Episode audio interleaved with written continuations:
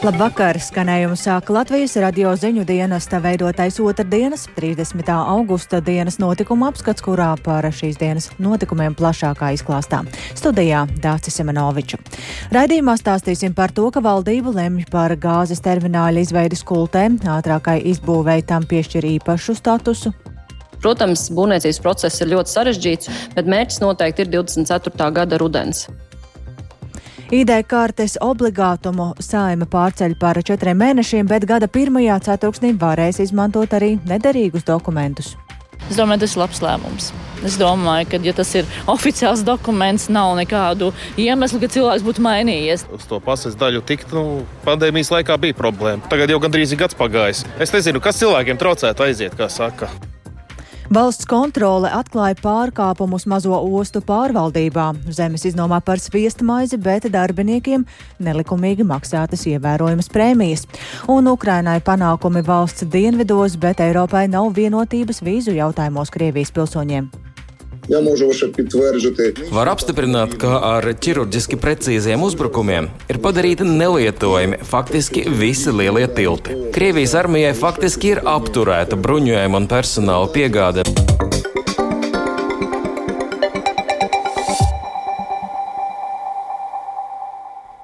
Nacionālo sašķidrinātās dabasgāzes termināli attīstīs akciju sabiedrības kulta LNG terminālu. Tā slēgtā sēdē lēmusi valdība. Lai projekts ātrāk virzītos uz priekšu, tam plāno noteikt nacionālo interešu objektu statusu, un vairāk par to visu stāsta Jānis Kīncis. Valdībai šīs dienas sēdē bija jāizvēlas, kuru no abiem sašķidrinātās gāzes termināla projektiem, Saukrastos vai Kunziņsalā, virzīt tālākai īstenošanai. Zaļā gaisma dota termināla projektam Saukrastos. Tā tālāko virzību un noteikumus paredzēs speciāls likums, ko sagatavos turpmāko trīs nedēļu laikā. To pēc valdības sēdes slēgtās daļas norādīja premjerministrs Krišjāns Kariņš no jaunās vienotības. Ar dabasgāzes piegādēm mēs nevaram atstāt mūsu valsti atkarīgu no termināla piekļuves kaimiņu valstīs, ka mums vajadzētu savā valstī attīstīt šādu terminālu. Un tagad tiks arī izstrādāts īpašs likums, kur strādās ekonomikas ministrija kopā ar varam ministriju un citām ministrijām, lai pēc iespējas noņemt visas nevajadzīgos administratīvos šķēršļus, lai šāds projekts varētu pēc iespējas ātrāk tikt īstenots. Nosakot topošajam terminālam nacionālo interešu objektu statusu, būs atvieglota būvniecības procesa administrēšana, saīsinātas dažādas citas procedūras, tā skaitā par ietekmes uz vidi novērtēšanu. Svarīgi gūt pārliecību, ka projekta izmaksas būs pamatotas, un tas būs līdzvērtīgs termināliem Lietuvā, Igaunijā, Somijā, Polijā, arī Vācijā. Tā izteicās ekonomikas ministre Ilza Indriksona no Nacionālās apvienības. Tomēr pēc valdības sēdes izpalika plašāks pamatojums par lēmumu nacionālo interešu objektu statusu piešķirt tieši Skulta LNG termināla projektam. Nacionālo interešu objektu status Skultas terminālam tika piešķirts pamatojoties uz drošības dienestu sniegtajiem ieteikumiem. Līdz ar jaunā likuma skatīšanu valdība pēc trīs nedēļām vērtēs arī neatkarīgu ekspertu PricewaterhouseCoopers izstrādātu sašķirinātās gāzes termināla projekta ārējo risku analīzi. Uz to balstīsies plānojot valsts iesaisti termināla izveidē, taču pašlaik ir skaidrs termināla izveidas termiņš. Protams, būvniecības process ir ļoti sarežģīts, un mēs zinām, ka arī citu ministriju prioritārie projekti, gan Rail Baltica, gan robežas izbūve nevienmēr noris tā, kā mums vēlētos, bet mērķis noteikti ir 24. gada rudens. Attīstītājs kulta LNG termināla ģenerāldirektors Renārs Miķelsons komentārā norādījis, ka valdības lēmums ir ne tikai zaļais koridors termināla īstenošanai, bet arī nozīmīgs solis Latvijas un Baltijas jūras reģiona enerģētiskajai drošībai. Uzņēmums darīšot visu iespējamo, lai projektu īstenot iespējami ātri. Iepriekš izskanējis, ka kultas projekta izmaksas ir lēšams ap 120 miljoniem eiro par termināļa, kā arī par gāzes cauruļvadu izbūvi līdz Inču kalna krātuvei. Valdības šīs dienas sēdes iznākumu sīkāk komentēt grūti, tā skaitā, kāpēc izvēle kritusi par labus kultus nevis kundziņas projektam. Tā atzina enerģētikas eksperts Juris Ozoliņš. Pirmkārt, viņi tā ir no industrijas viedokļa, viņi ir nesalīdzināmi. Nezinu, ko tur varēja salīdzināt. Man personīgi nav ne mazākā informācija, ko viņa iesniedza valdībai. Par to valdība klusē. Abriņosimies ar pacietību un pagaidīsim kaut ko racionālu. Likumu projektu tālākai virzībai sagatavos līdz 20. septembrim, un tad to iesniegs skatīšanai saimā. Ekonomikas ministri ir pārliecināti, ka to pagūs pieņemt vēl 13. saimas sastāvs. Jānis Kincis, Latvijas Radio. Personas apliecība jeb ID karte būs obligāts personu apliecinošs dokuments no nākamā gada 1. māja, nevis 1. janvāra, kā to sākumā plānoja. To paredz saimā galīgajā lasīmā pieņemtie likuma grozījumi, un šāds lēmums ir saistīts ar to, ka Covid laikā cilvēkiem bija ierobežotas iespējas saņemt vai atjaunot personu apliecinošus dokumentus, līdz ar to iepriekš likumajā, no, likumā noteiktajā termiņā visi nepaspētu noformēt ID karti līdz 1. janvārim. Un vienlaikus arī personu apliecinošus dokumentus, kuru derīguma termiņš ir beidzies pandēmijas laikā, varēs lietot vēl līdz nākamā gada aprīļa beigām.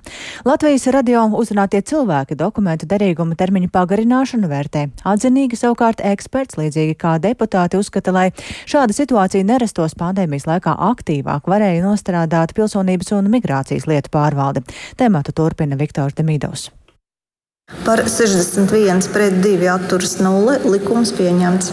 Personas, kurām pases un ID kartes derīguma termiņš ir beidzies no 2020. gada 1. mārta un kuri pandēmijas laikā nav noformējuši jaunu pasi un ID karti, savu dokumentu varēs lietot vēl 8 mēnešus, jeb līdz nākamā gada 30. aprīlim. Tas attiecas arī uz tiem cilvēkiem, kuriem dokumentu derīguma termiņš ir beidzies pirms mēneša, šodien vai beigsies nākamā gada pavasarī. Līdz gaidāmajām saimas vēlēšanām, jeb līdz 1. oktobrim, šajā skaitā būs gandrīz 27 tūkstoši Latvijas valsts piederīgo. Termiņš pagarināts, lai personas varētu Latvijā īstenot savas pamattiesības, piemēram, saņemt pakalpojumus veselības, labklājības, sociālajā, izglītības, tiesību aizsardzības jomā un piedalīties saimas vēlēšanās, turpina iekšlietu ministrijas valsts sekretāra vietnieks Vilnis Vītoliņš. Tikai šī iemesla dēļ, ka šis termiņš ir beidzies, mēs vēlamies piedāvāt, ka šī persona joprojām klātienē ar šo dokumentu, kam beidzies termiņš, var apliecināt savu personību. Nekādu citu iemeslu dēļ, ja dokuments ir zaudējis savu derīgumu, mēs nepiedāvājam šajā likumprojektā un nevēlētos piedāvāt. Un, attiecīgi, arī uh, sistēmās veikt korekcijas mēs īsti nevēlētos. Jāņem vērā, ka ar šādu dokumentu nevarēs ceļot, nevarēs lietot e-parakstu un var rasties problēmas saņemt pakalpojumus e-vidē. Tā atzīmē Pilsonības un migrācijas lietu pārvaldē. Iepriekš bija noteikts, ka no jaunā gada visiem obligāti ir jābūt personas apliecībai, bet tā kā vēl teju trešdaļai Latvijas iedzīvotāju ir tikai pase, saima termiņu pagarinājusi nosakot, ka personai, kas sasniegusi 15 gadu vecumu, ID karti ir jānoformē līdz 30. aprīlim. Savukārt, Atgriežoties pie pasu un personu apliecību derīguma termiņa pagarinājuma, Latvijas radio uzrunātie cilvēki likumu vērtē pozitīvi. Tas būtu loģiski, jo neriskēt ar savu veselību, ja jau ir pandēmija, es domāju, tas ir labs lēmums. Es domāju, ka, ja tas ir oficiāls dokuments, nav nekādu iemeslu, ka cilvēks būtu mainījies. Tas ir tā formāli īstenībā. Ne, no vienas puses loģiski, jā, es pieņemu, ka, ka jo uz to pasas daļu tikt nu, pandēmijas laikā bija problēma. Kaut gan nu, tagad jau gandrīz ir gads pagājis. Īstenībā par to gadu jau viss, viss varēja izdarīt. Manā uzturē. Tā kā nu, nu, koks ar diviem galiem. Koks ar diviem galiem manā uzturē, jā. Gan jā, gan nē. Es nezinu, kas cilvēkiem traucētu aiziet, kā saka, šī visa gada garumā. Nu, tā jau, protams, neliekas baigi loģiski. Bet, jā, es, es nemāku spriest. Es pieļauju, tur ir daudz aspektu. Gan uh, vērā ņemama, gan uh, absolūti neloģiski. Es domāju, ka loģiski ir. Jā. To, ka šī valsts apdomā, to ir labi. Es domāju, tā. Valsts pārvaldē tās ir Covid-19 pandēmijas sekas. Tā uzskata Rīgas Stradiņu universitātes asociētais profesors Aldis Lieljuksis no juridiskās fakultātes. Lai nebūtu tik liels personu skaits, kuram dokumentu termiņš ir beidzies vai beigsies tuvākajā laikā, aktīvāk vajadzēja nostrādāt pilsonības un migrācijas lietu pārvaldei. Sociālā kampaņa šajā situācijā, gribētu teikt, bija diezgan vāja. Nu, ja viņa būtu spēcīgāka vai PMLP būtu tikuši galā, tas, kā mēs redzējām, tās situācijas bija dažādas. Vienu brīdi teica, ka rekurindas nav nekādas, cilvēki vienkārši neiet. Tā kā nu, arī vajadzēja droši vien tādu spēcīgāku sociālo kampaņu teikt, ka ejiet, ejiet, steidzieties. Bet nu, jāņem vērā, ka tā ir pandēmija, tā ir ārkārtas situācija. Un tāds ir tas šī brīža risinājums. Ja kādam tomēr nepieciešams noformēt dokumentus, pilsonības un migrācijas lietu pārvalde pakāpeniski ievieš iespēju pieteikties rindā attālināti. Tas jau darbojas trīs Rīgas nodaļās un arī Tukumā. Viktors Demidovs, Latvijas radio.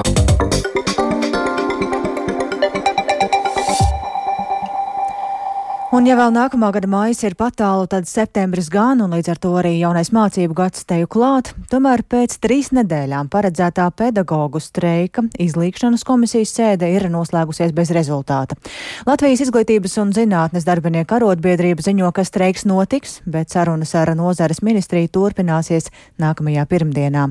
Tā Latvijas radio atzina komisijas vadītāja arotbiedrības priekšsēdētāja Inga Vanaga.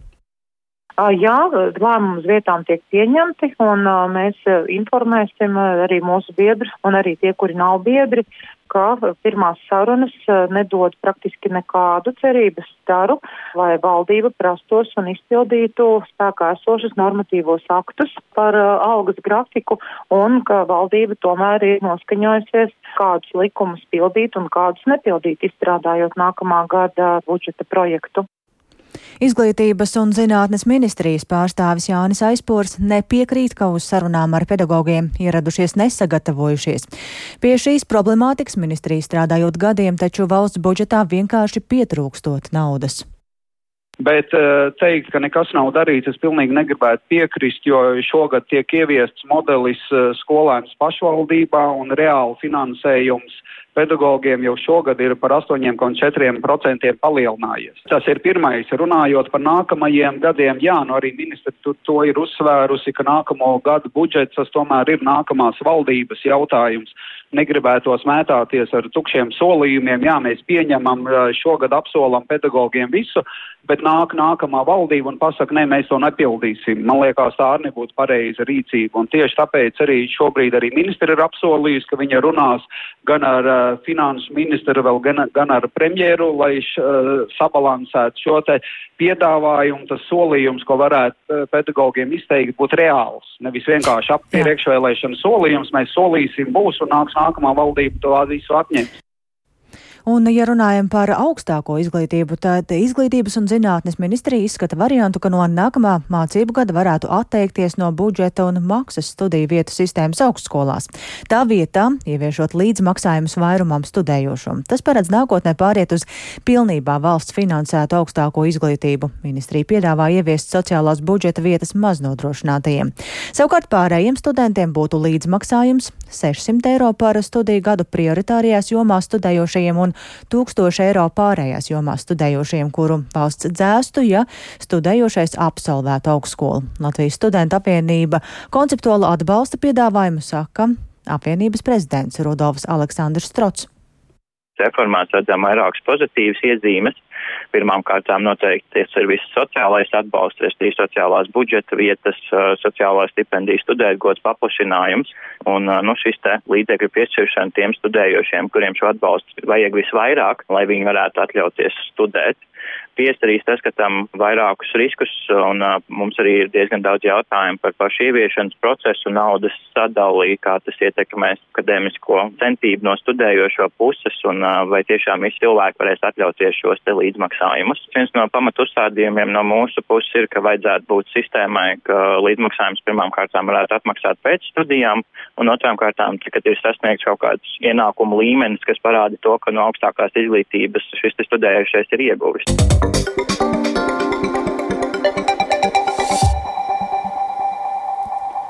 Programmas turpinājumā par notikumiem Ukrainā. Ukrainas spēki valsts dienvidos ir faktiski likvidējuši Krievijas armijas iespējas saņemt bruņojumu un personāla papildinājumus no okupētās Krīmas pussalas.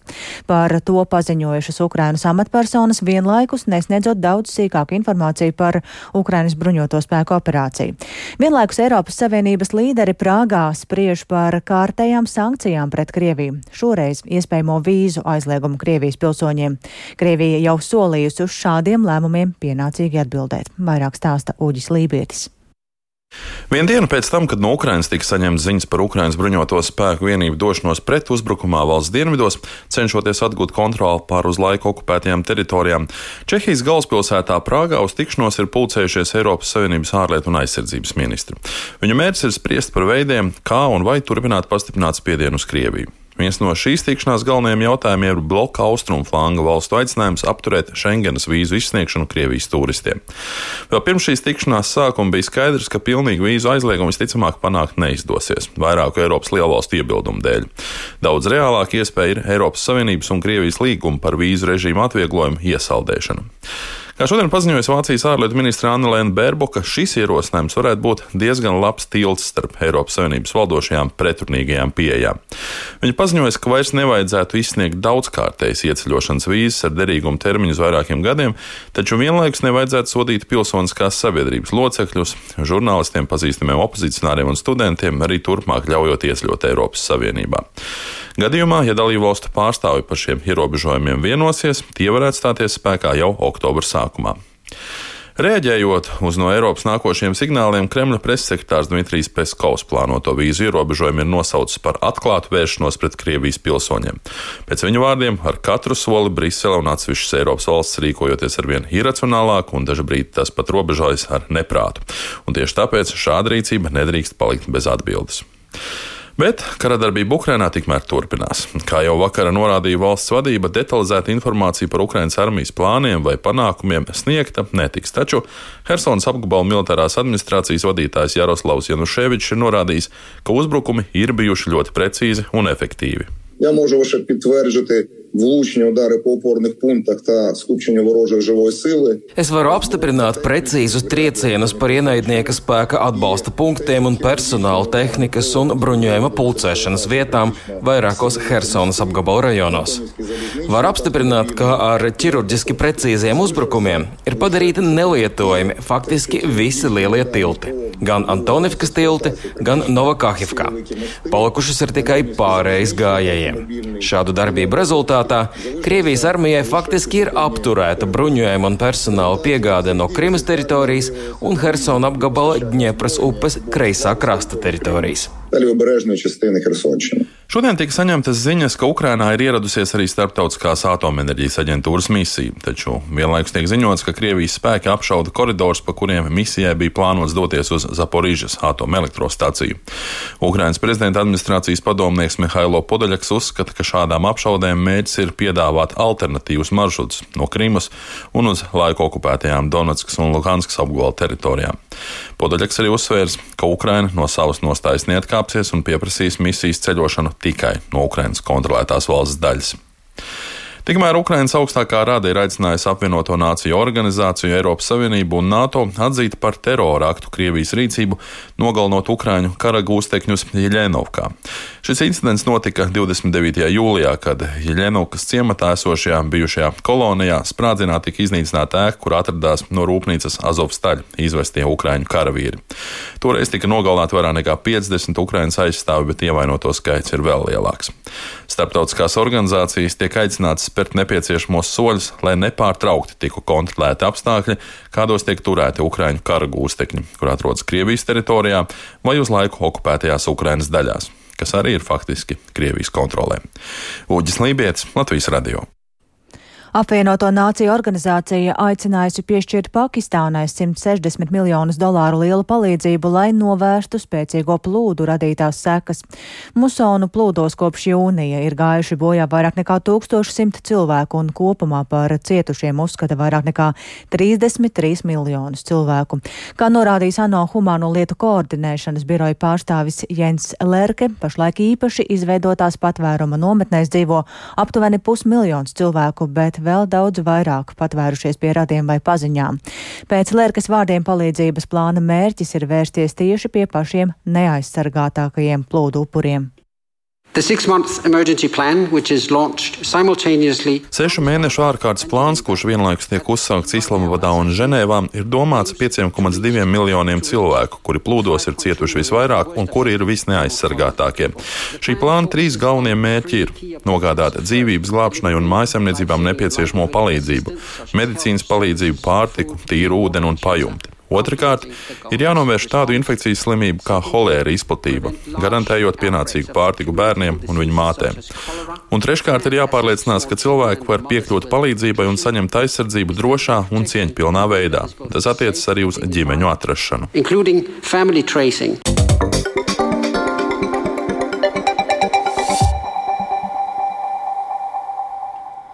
Un turpmākajās minūtēs atgriežamies Latvijā, pievēršoties ostu pārvaldībai. Valsts kontrole konstatējusi vairākas nepilnības šajā jomā. Pamanītas neatbilstības gandrīz katrā no pārvaldības un darbības aspektiem. Tāpat secināms, ka mazo ostu valdēs nodarbināts nesamērīgi liels valdes locekļu skaits un ir aizdomas par nesamērīgām prēmijām darbiniekiem. Sniegti vairāk ieteikumi ostām, pašvaldībām un satiksmes ministrijai. Par to plašāk Lindas Spundiņas ierakstā. Latvijā ir septiņas mazās ostas - Anguras, Jūrmālas, Mērsraga, Pāvilostas, Rojas, Salcgrības un Skultis. Valsts kontrolas revidenti skatīja, kā šīs ostas tiek pārvaldītas. Konstatētas nepilnības gandrīz katrā to pārvaldības un darbības aspektā. Vairākos gadījumos ostu pārvaldes neievērotām saistošo tiesību aktu prasības, tostarp konstatētas nepilnības iekšējās kontrolas sistēmas darbā un normatīviem regulējumiem neatbilstoša rīcība. Lai arī mazo ostu krava apgrozījums uz kopējā fona ir neliels, ostas gadā vidēji apgroza aptuveni 7 līdz 8 miljonus eiro. Savukārt pārvalda valstī un pašvaldībām piedrošos aktīvus apmēram 40 miljonu eiro vērtībā. Taču finanšu rezultāti un atdeves rādītāji uzrāda negatīvas tendences. Kopumā šo ostu darbības rādītāji ir ar pozitīvu pieaugumu, tomēr iegūtie finanšu līdzekļi no to darbības nav pietiekami, lai nodrošinātu ostu infrastruktūras saglabāšanu nepieciešamajā tehniskajā stāvoklī. Šeit gan jāmin, ka revidenti konstatējuši atsevišķus gadījumus, kad nav ievēroti labās prakses principi, piemēram, Mērstraga ostas pārvalde bez īpaša izvērtējumu darbiniekiem revidējumā laika posmā izmaksājusi prēmijas par pusgada rezultātiem, kopumā vairāk nekā 181 tūkstoši eiro. Mēstra ostā 2020. gadā bija 26 darbinieki un 8 valdes locekļi. Secināms, ka mazo ostu valdēs nodarbināts nesamērīgi liels valdes locekļu skaits. Piemēram, Angūras ostā revīzijas laikā bija divreiz vairāk valdes locekļu - seši nekā darbinieku. Pāvilostā desmit valdes locekļi, bet vien četri darbinieki. Tāpat, lai kļūtu par valdes locekli, netiek izvirzītas kādas īpašas prasības izglītībai un darba pieredzei. Ir arī aizdomas par interešu konfliktu, skaidro valsts kontrolas pārstāvis Oskars Erdmanis. Mazā ostu pārvaldēs valdes locekļiem un uh, amatpersonām mēs konstatējam arī dažādas interešu konfliktu situācijas un interešu konfliktu risku pārvaldīšanas problēmas, par ko mēs ziņosim arī korupcijas novēršanas un apkarošanas birojam. Līdz ar to mēs aicinājām arī pilnveidot šīs risku pārvaldības kārtības, lai šo publisko aktīvu pārvaldībā nebūtu nekādas aizdomēnas un viss notiktu caurspīdīgi. Revīzijas laikā knapi vienai amatpersonai piemēroja piemērojas administratīvo sodu, un vienai citai personai ir izteikts aizrādījums. Valsts kontrole sniegusi vairākus ieteikumus ostām, tostarp nozars ministrijai. Būtiskākais satiksmes ministrijai aicina integrēt mazo ostu attīstības jautājumus nacionālajos plānošanas dokumentos. Satiksmes ministrijas transporta, loģistikas un starptautiskās sadarbības koordinācijas departamenta direktora vietnieks Andris Maldups norāda, ka ministrija ņems vērā ieteikumus. Ļoti svarīgi saprast, ko mēs saprotam ar interesi valsts mērogā. Satiksmes ministrija vienmēr ir um, atbalstījusi mazās ostas, vienmēr mēs esam ļoti konstruktīvi sadarbojamies un savu iespēju robežās arī sniedzam dažādu atbalstu. Skaidrs, mums uh, nav tādu fondu vai finansējumu, ko mēs varētu piešķirt mazajām ostām. Ministrija norāda, ka atbilstoši likumam mazās ostas ir pašvaldību pārziņām, līdz ar to laba pārvaldība ir vietvaru kompetencē. Linda Spundiņa, Latvijas radio.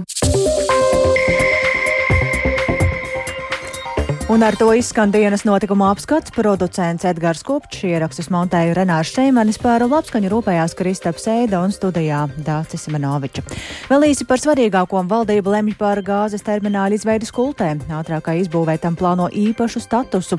ID kartes obligātumu saima pārceļ par četriem mēnešiem, bet gada pirmajā ceturksnī varēs izmantot arī nederīgus dokumentus.